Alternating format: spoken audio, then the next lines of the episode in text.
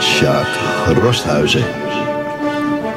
Over de meest gewone onderwerpen zou je met meer dan twee handen vol partijen toch enorm goed kunnen steggelen.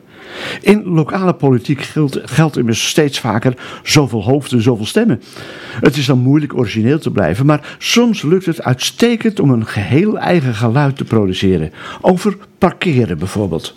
In Horen dienen we ons dus goed achter de oren te krabben wanneer het op parkeren in de stad aankomt. We hebben op dit moment een parkeerprobleem in de stad. Hetgeen leidt tot zieltogende middenstanders, bij wie op de stoep voor de zaak geen auto is klant mag staan.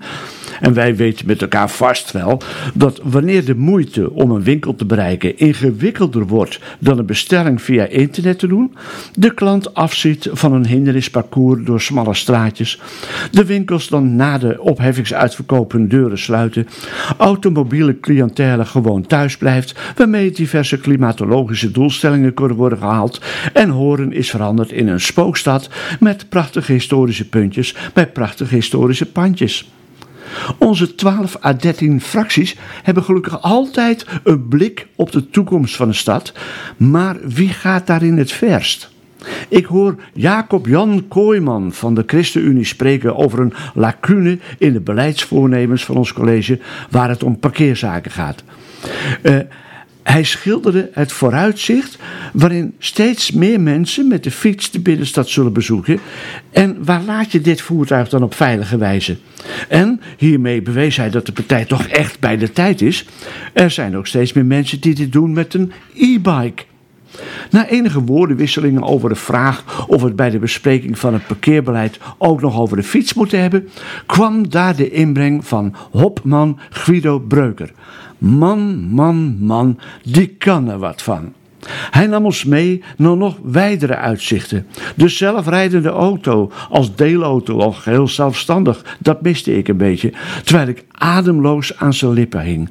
Guido noemde het verplaatsen per teleporteerapparaat. Dat zou nu nog niet zo dichtbij in de toekomst zijn, maar briljant dat Hop daar nu al aandacht voor vraagt. En hield hij de goede gemeente voor: we gaan nog niet met een drone naar ons werk. Nou, ik heb de rest van de tijd, de rest van de ongetwijfeld nuttige en dus boeiende discussie nauwelijks meer gevolgd. Ik trachtte het beeld van de Horense binnenstad voor de geest te halen bij het gebruik van de echte transportmiddelen van de toekomst. Zwermen van drones die zich zouden verdringen voor de nog overeind gebleven winkels, landingsplaatsen op de daken van de nering doende, want waarom zou je nog verder lopend uh, verplaatsen? Uh, Bovendien zorgen landingsplaatsen op straatniveau voor constante luchtwervelingen met zand, plastic bekertjes en slordig weggeworpen foldertjes van de politieke stromingen in de stad. Mensen die je dan buiten aantreft, die dragen allemaal koptelefoons om het indringende geluid van duizenden zoemende propelletjes te dempen. Of maatregelen die ook getroffen moeten worden bij het gebruik van teleporteerapparaten. Elke winkel is zo ingericht dat het teleporteren van jezelf pas mogelijk is nadat je hebt afgerekend. Een stad vol met verschijn- en verdwijnpunten met een heel speciale op de plek waar het beeld van Jan Pieterszoon Koen is vervangen door het borstbeeld van Guido Breuker. Deze en nog meer gedachten overtuigden mij ervan dat de plannen van dit college hopeloos ouderwet zijn, nog voordat ze de laatste ronde van de amendementen en notities hebben doorstaan. Politiek is vooruitkijken. Dat is de les die de visionaire Guido ons voorhoudt. En smakelijk lachen om zijn fantastische stand-up comedy-teksten doen hem schromelijk tekort.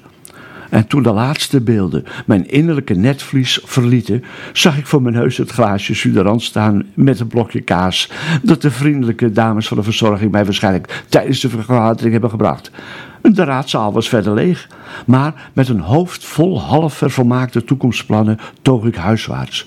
Gewoon in een oude milieuverpestende auto waarmee ik me steeds dieper in een ver verleden weet.